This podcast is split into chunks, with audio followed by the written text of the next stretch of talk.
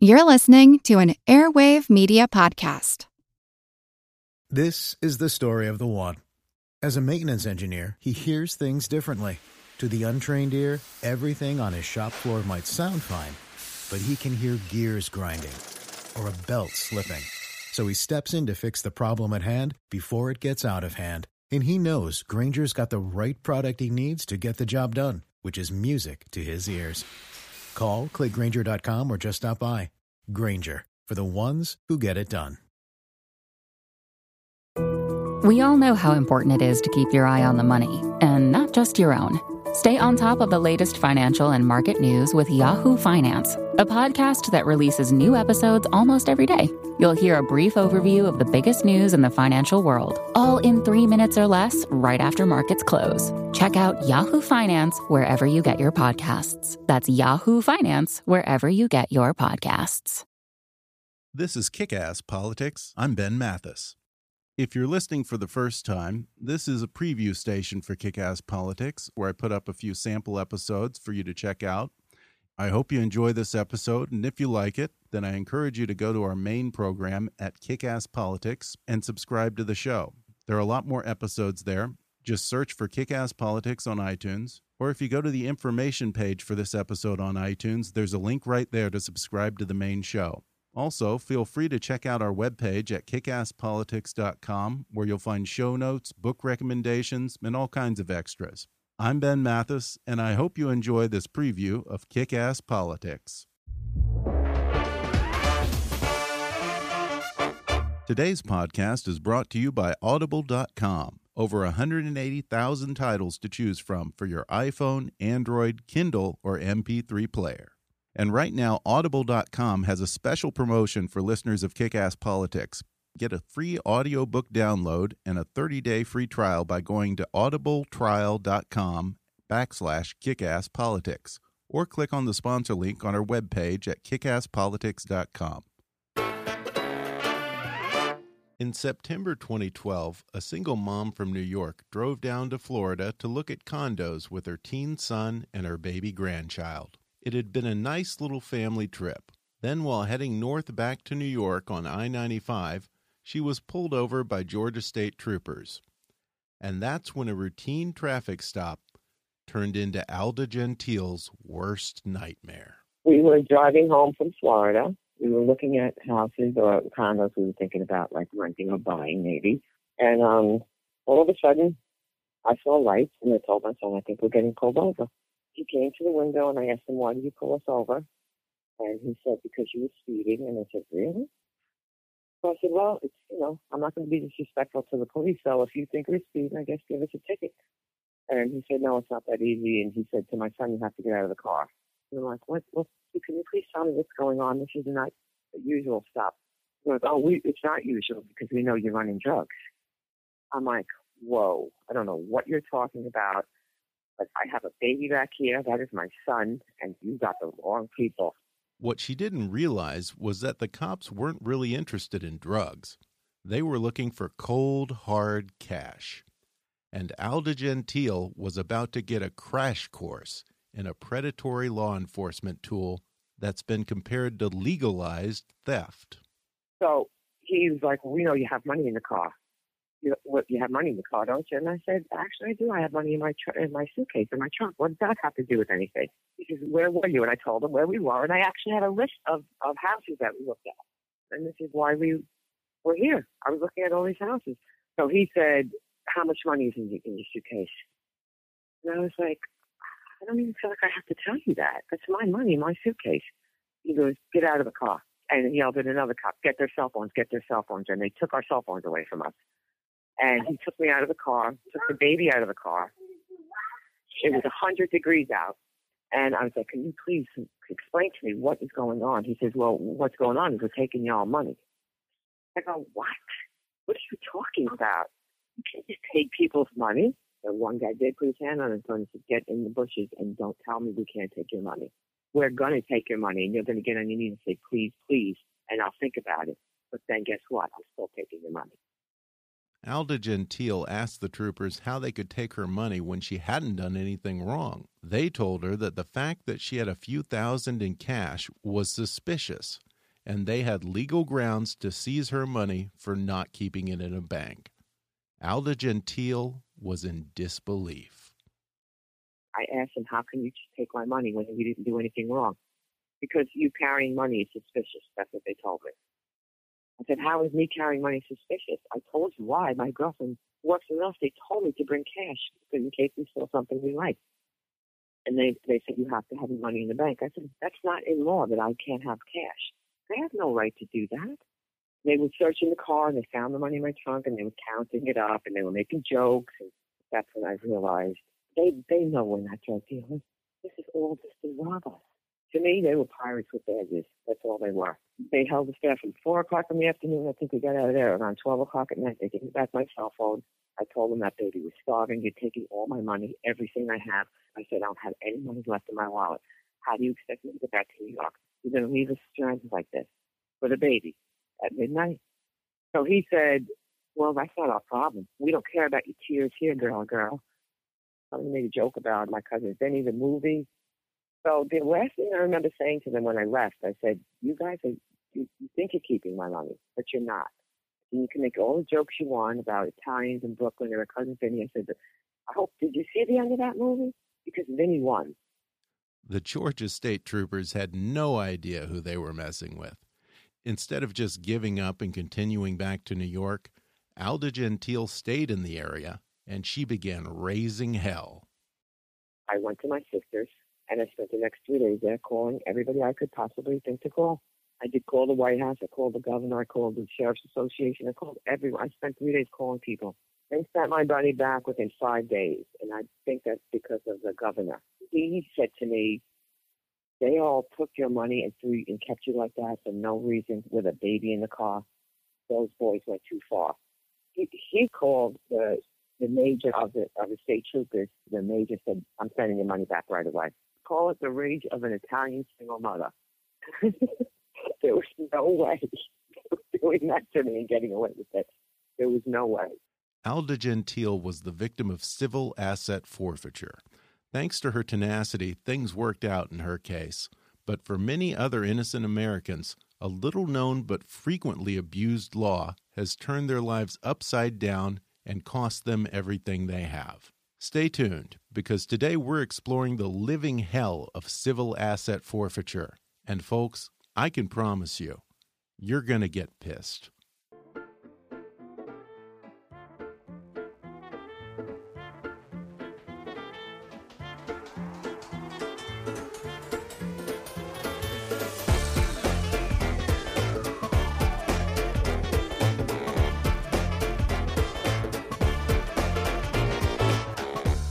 Hollywood to Washington, it's time for Kick Ass Politics. And now here's your host, Ben Mathis. Civil asset forfeiture is a controversial legal process that gives law enforcement the authority to seize any money or private property suspected of involvement in a crime. That's right. Even if you haven't committed a crime, if the police suspect that your car, your boat, or even your home might have somehow been involved in a crime, then they can justify taking it.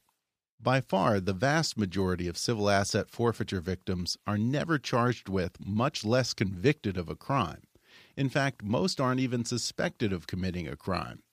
But as Alda Gentile found out, probable cause for seizing a person's money or property is as easy as saying, That's an awful lot of cash there, ma'am. I guess you must be laundering money. Now, why would the police want to pick on innocent Americans? Well, under this controversial law, local, state, and federal authorities get to keep seized cash and assets, turning a badge into a license to print money, and law enforcement agencies into money making enterprises. In fact, civil asset forfeiture has become legalized extortion on an industrial scale, raking in a whopping $12 billion in cash and property every year. And what do the police do with all that loot? Well, they can pretty much spend it on whatever they want police salaries, pensions, overtime pay, new equipment, vehicles, alcohol, and even parties and vacations. Here's how Ken Burton, the police chief of Columbia, Missouri, explained it to a Citizens Police Review Board. You know, we, we come across um, forfeiture funds sometimes. How do you decide forfeiture funds? You know, it's usually based on a need. Um, well, I'll take that back. Discretion, though, I'd imagine you you sign off on. Yeah, it's there's some limitations on it. You know, it's um, actually there's not really on the forfeiture stuff. It's, it's we just usually base it on something that would be nice to have. It's kind of like pennies from heaven. You know, it gets you a, a toy or something that you need. Is, is the way we typically look at it. Every time it rains, it rains. Well, let's just take a look at some of the toys that police departments have seized for their own use. Aside from cars, boats, cell phones, computers, and jewelry, police have helped themselves to a Zamboni, a margarita machine, and 650 gold plated police whistles. One department even seized a tanning bed for the use of the police chief's wife. And get this if you want to get your own property back from the police, you'd better be prepared to hire a lawyer, wait up to years for a hearing, and then try to prove your own innocence. Just ask Russ Caswell, owner of the Caswell Motel in Tewksbury, Massachusetts. Yeah, I own a, a small motel, and it's been in the family for. My father built it in '55, and I took it over in '84 and been running ever since. And we never had any trouble with the police. We always cooperated with them and whatever they might ask us to, and so on. And so one day I, I go to get the mail, and there's these forfeiture notices in there. Uh, one for me, one for my wife, and there's a lot, a lot of legal stuff in there. But basically, what it said was, "We're taking your property," and uh, they listed these eight drug cases that had, but mostly small stuff, kids with marijuana. Couple of them didn't even involve drugs, and I never heard of most of them because the police are always so secretive about things. I never even knew most of them existed. Oh, and by the way, the eight arrests that the authorities cited in this case were over the course of 18 years. Over those same 18 years, Russ Caswell rented out over 200,000 hotel rooms. That means the police were trying to take away his motel because of incidents that involved 0.00004% of his guests. They never accused me of anything or anybody that works at the motel of anything. And I have no criminal record at all. I've never been questioned about anything by anybody. And I was just kind of dumbfounded by the whole thing. I figured it'd be some kind of mistake that uh, they thought I did something that, you know, just misinterpreting something. So I got my lawyer and I told him the story, and he was kind of baffled by it. And so we deposed like eight of the police who were involved in these different cases, and none of them had anything to say against me at all. They all said the same thing, how we cooperate with them and all of this kind of stuff. Until we get to this DEA agent, uh, Vincent Kelly, and I guess I didn't mention it before, but the motel uh, was appraised for a million and a half with no mortgage. So get to this DEA agent, uh, Vincent Kelly, and my lawyers asked him, "How do you uh, pick properties to go after?" Like, as well, uh, I look on the internet and in the newspapers and stuff, and try to find places that have had some sort of drug arrest on them. And uh, then I go to the uh, local police and uh, go to the registry of deeds and to see how much equity the people have in the property. My lawyer says, What's the equity position got to do with anything? And he says, if you can believe this, and this is coming right from the DEA agent, he says, We won't go after a property unless the owner has at least $50,000 worth of equity in it. So that right there told me exactly what this was about. It was about stealing people's property. It wasn't it was nothing to do with drugs. Ironically, the Home Depot and the Motel 6 next door to Caswell's had far worse histories of drug activity. But the authorities knew better than to mess with large corporations with deep pockets and teams of in house lawyers. So they picked on Russ Caswell instead. I'm thinking, you know, they're going to come up with something that I don't know about. They something they thought I did, or somebody that works for me did, or something. And we had, I think it was like eight or ten of the police there. They were down there on the government side, testifying for the government. But what they were saying, you'd swear they were my witnesses because they, they had nothing bad to say about me or anybody else. They'd say how we cooperate. And even uh, Tom Casey, who was one of the ones that signed the complaint against us, um, he even testified. See, I go down to the motel and talk to people. They're very cordial. And I have uh, complete access to the office, and if I want to look at anything, uh, you know, look at their videos, their cameras, and and so on, and go through the cards. And said, yeah, they cooperate all everything with us. One of their uh, spokesmen there in a newspaper article, she even said, she said, "Oh, we have nothing against Mr. Caswell. It's his property. Like my property was running around stealing people's cars or something. You know, it was it was just bizarre. The judge could even see you could see in her her facial expressions a couple of things that uh, they said. She just kind of rolled her eyes. You know, like what are you people doing? The way they win these things, which I've found out, it's it's not that you've done something wrong. It's that you can't afford to fight it. Well, the Institute for Justice was my lawyers, but I had to spend a hundred thousand dollars of my own money before they come along. Thankfully, the Institute for Justice did come along, and they took Russ Caswell's case for free. The Institute for Justice describes themselves as a nonprofit public interest law firm dedicated to protecting individual liberty. And they've defended a number of civil asset forfeiture victims pro bono. Here's Rob Johnson, an attorney for the Institute one of the things that is unique about about civil forfeiture is that property owners actually are required to prove their own innocence in order to get their property back after the government has initiated forfeiture proceedings. For Russ, we had to actually prove that Russ was unaware of what was going on in his motel, and he actually had the burden to prove that to the court in order to keep his property interest in his motel. With the help of the lawyers from the Institute for Justice, Russ Caswell prevailed. But the case took a heavy toll on Russ, his ailing wife, and eventually on taxpayers as well.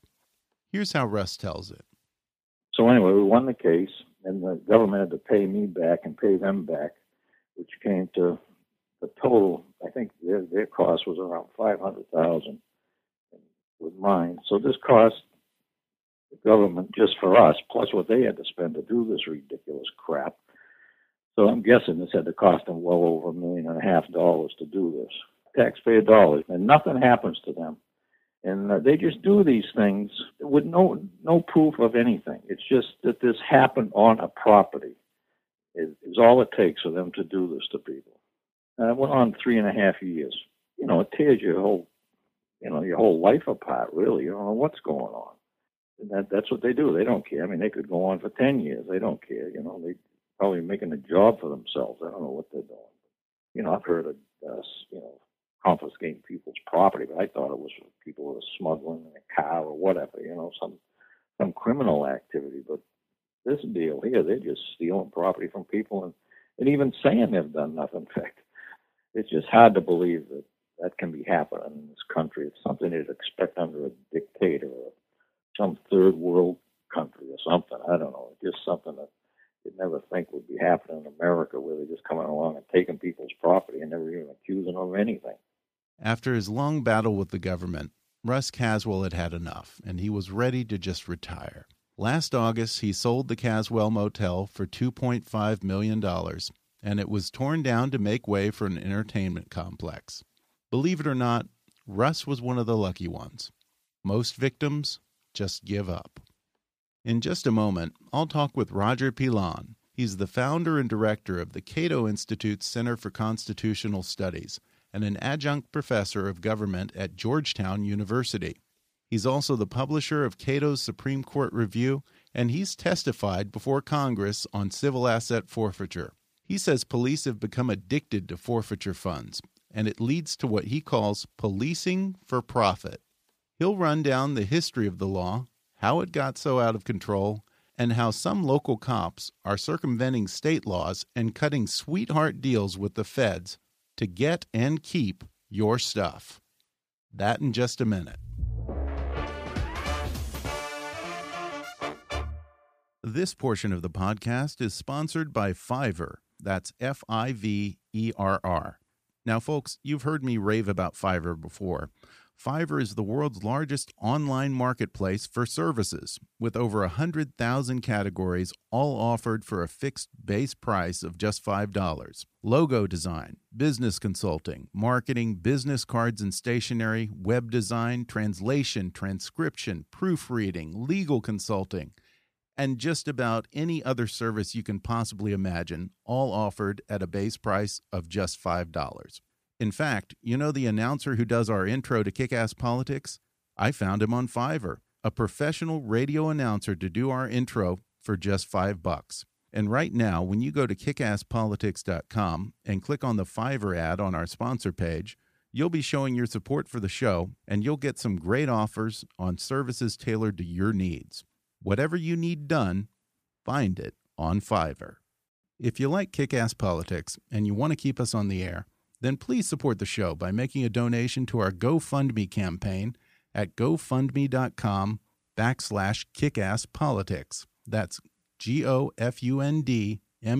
dot com backslash kickasspolitics. Or go to the show website and click on the donate link. Your support will help keep us producing new and even more interesting programs in the future. That's gofundme.com backslash kickasspolitics. Enjoy the rest of the show. I'm joined today by Roger Pilon, who's the founder and director of the Center for Constitutional Studies at the Cato Institute and an adjunct professor of government at Georgetown University. He's been on top of this issue of civil asset reform for at least two decades now.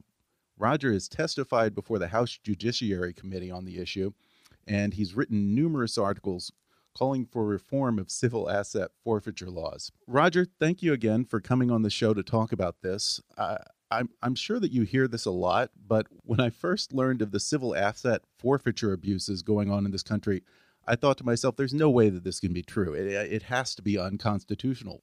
But apparently it's legal, and law enforcement is getting away with it and victimizing innocent Americans every day. So, walk us through this. All right, Ben, I'd be glad to do so. Um, you're not alone in so reacting, let me say the um, first thing a lawyer says when a case comes before him of civil asset forfeiture for the first time is this can't be right, but it is. And this is an area of our law, a backwater of the law, so to speak, uh, with roots in the Middle Ages. And if I can just give you a quick history, it'll give you an idea of how it was that we got to this state of affairs? Well, this theory uh, reached uh, this country in the form of admiralty law back in the 18th century. And the idea was that if a, a ship owner um, in England uh, sent goods to the colonies, and if the uh, tariff was not paid, then uh, at this end, the uh, owner would be difficult to reach so the uh, goods on the ship would be seized uh, until the tariff was paid, or if not, they would be then seized uh, for the government. That's the way it came to be part of a narrow area of American law, namely admiralty law. But then it came into its own during Prohibition uh, with all manner of prohibited contraband and with the money associated with that the ill gotten goods, so to speak. And of course, it came to life again later on during the war on drugs. But once it was seen by police departments and prosecutors across the country as a ready source of revenue, then it really came into its own. Because under most forfeiture statutes, the police departments get to keep the seized assets. So we have such atrocities as Volusia County, uh, Florida police or sheriffs are stopping cars going south on I 95 and seizing from the drivers any funds that they may have in excess of $100 on the theory that this is uh, money that is going to be used to buy drugs. Notice they don't stop cars going north on I 95 to seize the drugs, they're not really interested in the drugs. They're interested in the money because they get to keep it. And whole police departments have been furnished uh, with money seized uh, in just this way. And I can give you numerous other examples, not necessarily involving drugs, uh, where you see the perverse incentives that are set up by this area of the law such that police departments uh, become addicted, so to speak, on forfeiture uh, proceeds. They're literally taking cash out of people's cars. And, and, these people, in many cases, have committed no crime. When they seize the assets, they're not even charged with a crime, That's much correct. less convicted. Uh, what we have here is a theory whereby the goods themselves are guilty. Uh, just to give you an example, again, this one involved drugs. A, um, a the grandson here in D.C. Uh, next door comes over to his grandmother's house, makes a call uh, from the house to consummate a drug deal. The house is seized by the police for forfeiture to the government and then sold, of course, with the proceeds going to the police department because it is said to facilitate a crime. You have police in New York City uh, doing DUI arrests and then seizing the car because the car is said to have facilitated that crime. In other words, the car, the house, the money, these are all said to be guilty, and never is a crime necessary to be proven because it's the property that is guilty.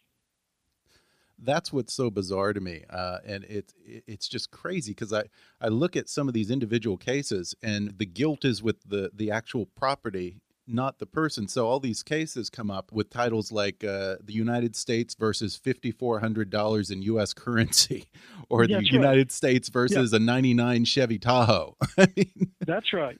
This is the or or the United States versus a one two three Oak Street. right? Now the problem is this: suppose the owner is completely innocent, then the police will or the prosecutor will put to the owner the following proposition: Oh, you want to challenge this? Well, we can turn this into a criminal prosecution. Now the owner is going to think twice because oftentimes you find that the evidence is kind of shaky, but you never know how it's going to go before a uh, jury. Secondly, it's extremely costly to defend yourself against the government, which has far more assets in most cases than the individual being charged. And you may have a loss of, say, $10,000, but if it costs you $50,000 to defend yourself, and you may end up be, being found guilty to uh, as well, well, you're going to just walk away from your loss. And it is, in other words, a kind of shakedown racket. It, it does sound like legalized extortion. And uh, the thing that's amazing to me is it's hard for me to wrap my head around the idea that we're innocent until we're proven guilty, and that supposedly there's a requirement of guilt beyond a reasonable doubt. But that doesn't apply in this case because it's it's not criminal technically; it's civil, right? That's right. Well, there are two parts of of um, uh, asset uh, forfeiture that we need to distinguish.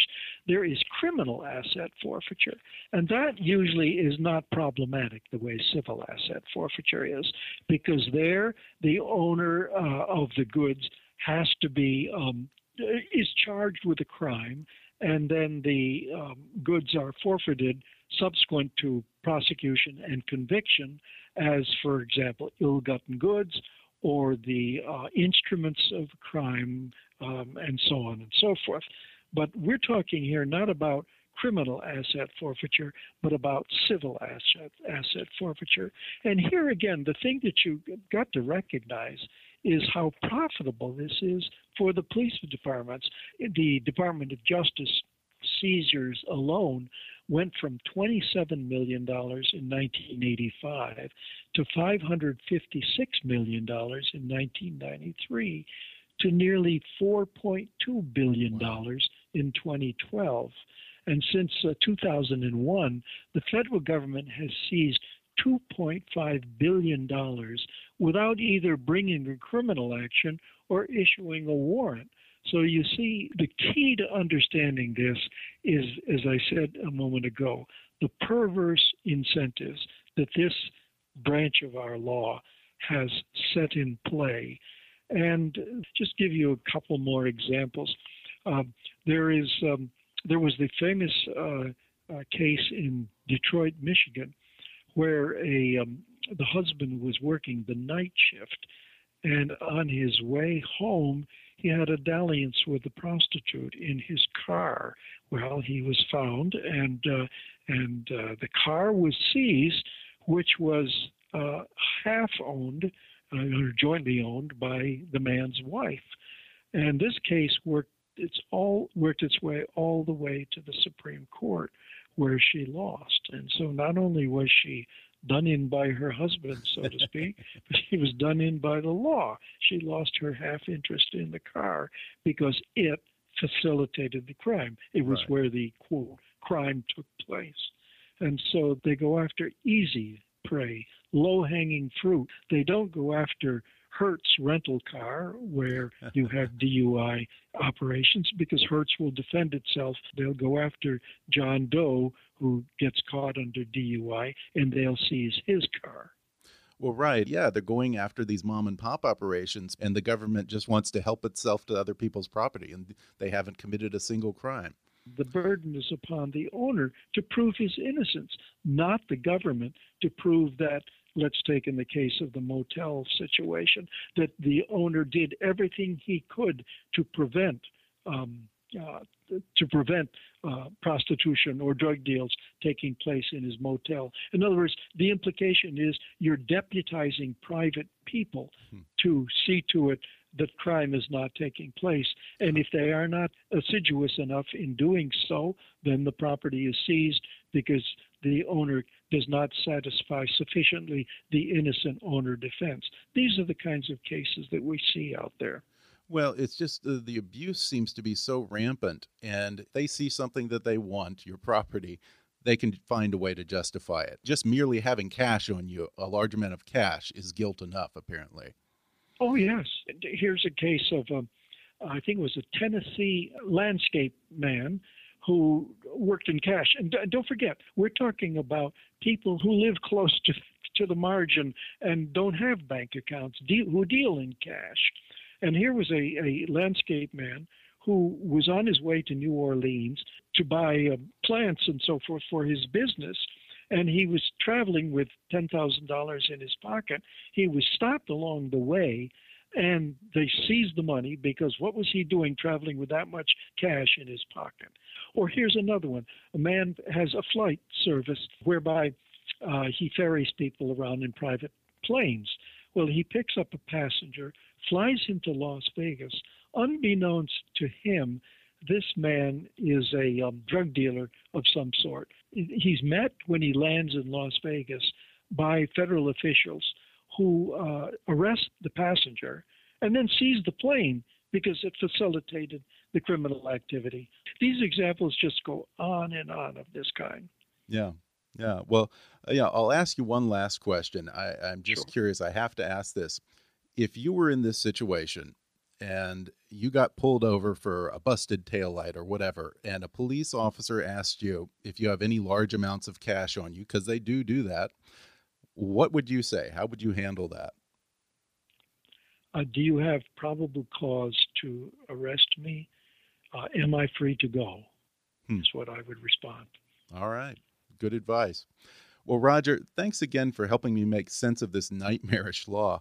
Um, hopefully, we'll get some movement in Congress on this and put an end to this Yes. abuse. Well, thank now, you again. if your listeners want more on this, they can go to the Cato Institute website. Uh, they can find, they can go to my bio and they'll find articles on civil asset forfeiture. Uh, or they can go to the Institute for Justice website.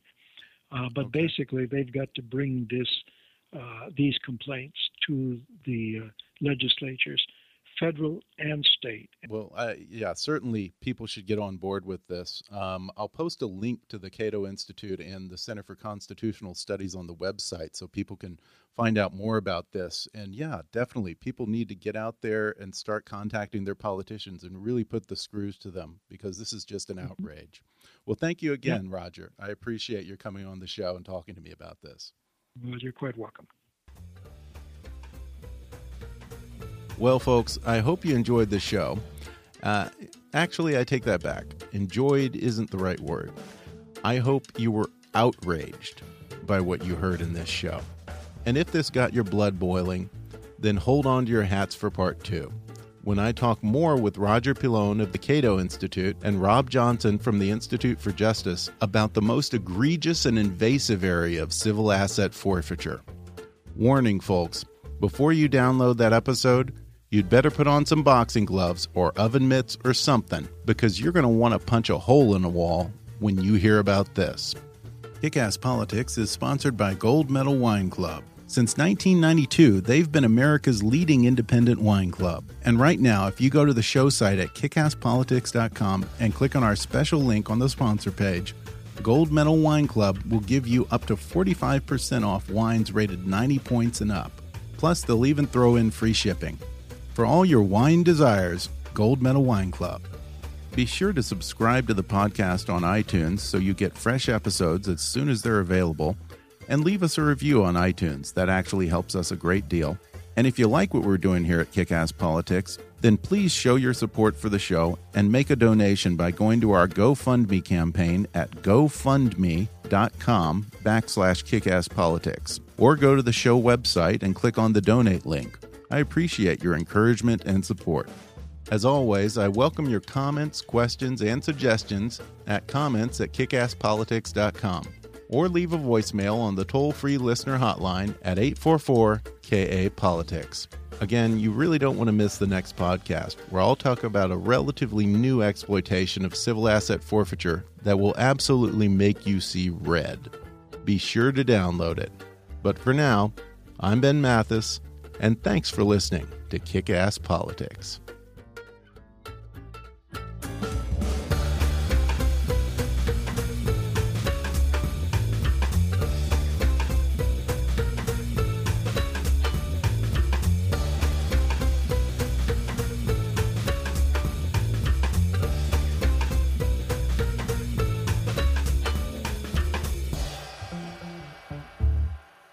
Kick Ass Politics is a trademark of Mathis Entertainment, Inc.